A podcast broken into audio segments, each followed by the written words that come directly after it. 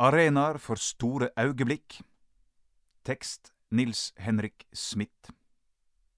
2020 har vært et år ulikt alle andre, også for fotballen. Under koronapandemien har fotballentusiaster verden over måttet lære å forholde seg til tomme fotballstadion på en ny og annerledes måte, idet restriksjoner i samband med smittevern har ført til at de fleste kamper må spilles framføre ingen eller svært få tilskuere. Dette har ført til ei auka forståing av stadionet sin funksjon i fotballen, som åstad for den rituelle ramma kring spelet. Tilskuerne som støtter laget sitt i form av rop og song, faller ut sine banner i gilde fargar, pip ut dommeren, og så bortetter. Eit fotballstadion er i seg sjølv ein berar av fotballens historie, kultur, tradisjon og atmosfære. Men når tribunene står nakne på sjølve kampdagen, er det noe som mangler. Spelet framstår annerledes og fattigere, både for spillerne, for supporterne som under normale omstendigheter ville vært til stades, og for de som ser kampen på TV. En dag vil pandemien være over, og de fotballhungrige tilskuerskarene vil atter kunne vende attende til stadion. Men ennå er det ingen som veit når det kan skje. I mellomtida skal vi i denne artikkelen sjå nærare på tre klassiske fotballstadion fra tre av verdas fremste fotballnasjoner, Italia, Tyskland og Argentina. De står der de har stått i tiår, for tida ruvande og tause, medan de venter på å kunne ynskje sitt trufaste publikum velkommen attende. San Siro, Milano, Italia. San Siro er heimebanen til to av verdens historisk sett største, mektigste og mest suksessrike klubber, Inter og Milan. Offisielt er stadionet oppkalla etter Giuseppe Meazza, legenda som spilte for begge klubbene i mellomkrigstida, og som var kaptein da Italia vant VM-gull i 1938. Det åpna i 1926, og er i dag det største stadionet i støvellandet, med en maksimal kapasitet på 78 275 tilskuere. San Siro har vært renovert, utvida og ombygd i flere omganger. Den mest omfattende rekonstruksjonen ble utført før VM i 1990, da stadionet fikk sin karakteristiske fasade av stål og betong. På en solfylt dag kan en fra toppen av Vesttribunen få et glimt av det andre store landemerket i Milano, nemlig byens berømte katedral. Stadionet har vært vertskap for kamper i to VM og ett EM. Det var her Kamerun sensasjonelt slo regjerende verdensmeister Argentina i åpningskampen i 90-VM. Vest-Tyskland, som vant VM det året, spilte fem av sine sju sluttspillkamper her, inkludert den klassiske semifinalen mot England.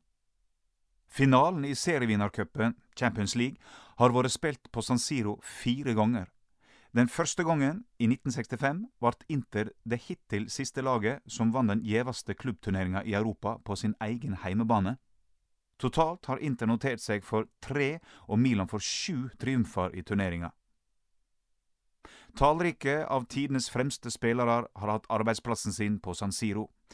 Vi snakker her både om lokale og lojale legender som Giacinto Facetti og Sandro Mazzola, som spilte for Inter, og Gianni Rivera, Franco Baresi og Paolo Maldini fra Milan. Og dyrt innkjøpte stjerner som Lothar Matteus, Ronaldo, Marco van Basten og Andrej Sjevtsjenko.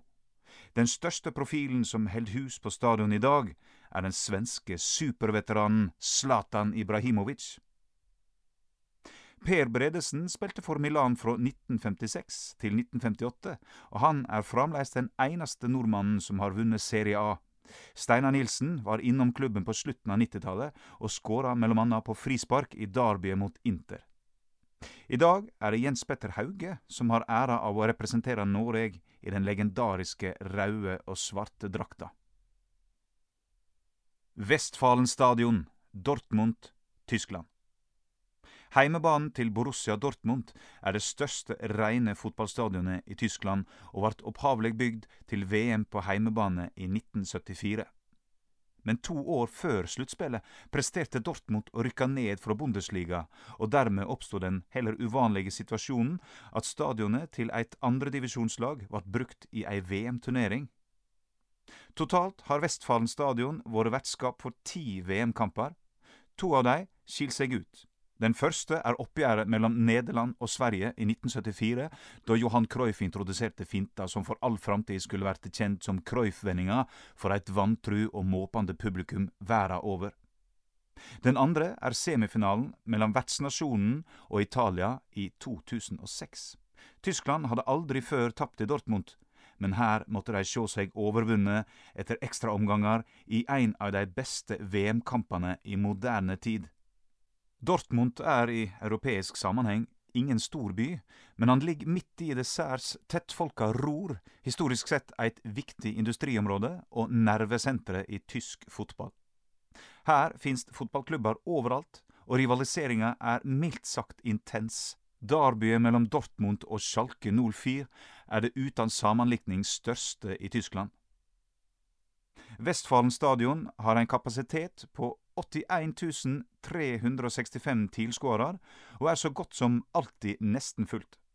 Sesongen 2011 2012 setter klubben europeisk publikumsrekord med et snitt på 80 588 solgte billetter per kamp. Tribunen bak det sørlige målet tek alene 24 454 tilskuere, og er med det den største ståtribunen på kontinentet. Her står den harde kjernen av supportere, kjent som den gule veggen, kanskje det fremste symbolet for den publikumskulturen moderne tysk fotball er så beundra for. Både synet og lyden av en fullsett sørtribune er iallfall særs imponerende. Steinar Pedersen ble den første nordmannen som vant Champions League da han representerte Dortmund sesongen 1996–97. Jan Derek Sørensen og André Bergdølmo har òg vært innom klubben. Det må likevel sies at alle disse gjorde lite vesen av seg sammenlikna med dagens norske Dortmund-spiller, skåringsmaskinen Erling Braut Haaland. Jærbuen kom til Vestfallen stadion i januar i år, og har siden stadfesta sin posisjon som en av de farligste angriperne i verden. La Bombonera, Buenos Aires, Argentina. La Bombonera, konfektørsa som navnet tyder på norsk, åpna i 1948 under argentinsk fotballs første gullalder, da kreativt angrepsspill og individuell briljans ble prioritert over alle andre verdier, og såleis la grunnlaget for at landet seinere skulle utvikle ballgeni som Alfredo di Stefano, Diego Maradona og Lionel Messi. Stadionets særegne form og akustikk gjør heimekampene til Bokka til ei særs høglytt oppleving. Supporterne er entusiastiske og tallrike. Klubben sjøl hevder at halve Argentina pluss én held med Bokka. I dag er det nokså vanlig at publikum blir kalla lagets tolvte mann, men Bocca-supporterne var de første i verden som fikk dette tilnavnet, allerede for mer enn hundre år siden. Bocca kiver med River Plate og med hegemoniet i argentinsk fotball. Rivaliseringa er ekstrem. Da laga skulle møtes til finalen i Copa Libertadores i 2018, tok kjenslene på begge sider overhånd. Etter at den første kampen på La Bombonera enda 2-2, utarta det til regelrette opptøyer, og returoppgjøret måtte flyttes til Europa. Ingen nordmann har spilt for A-laget til Bocca, men i 1981 var Pablo Nicotra fra Rykkinn på et flere måneder langt treningsopphold i klubben.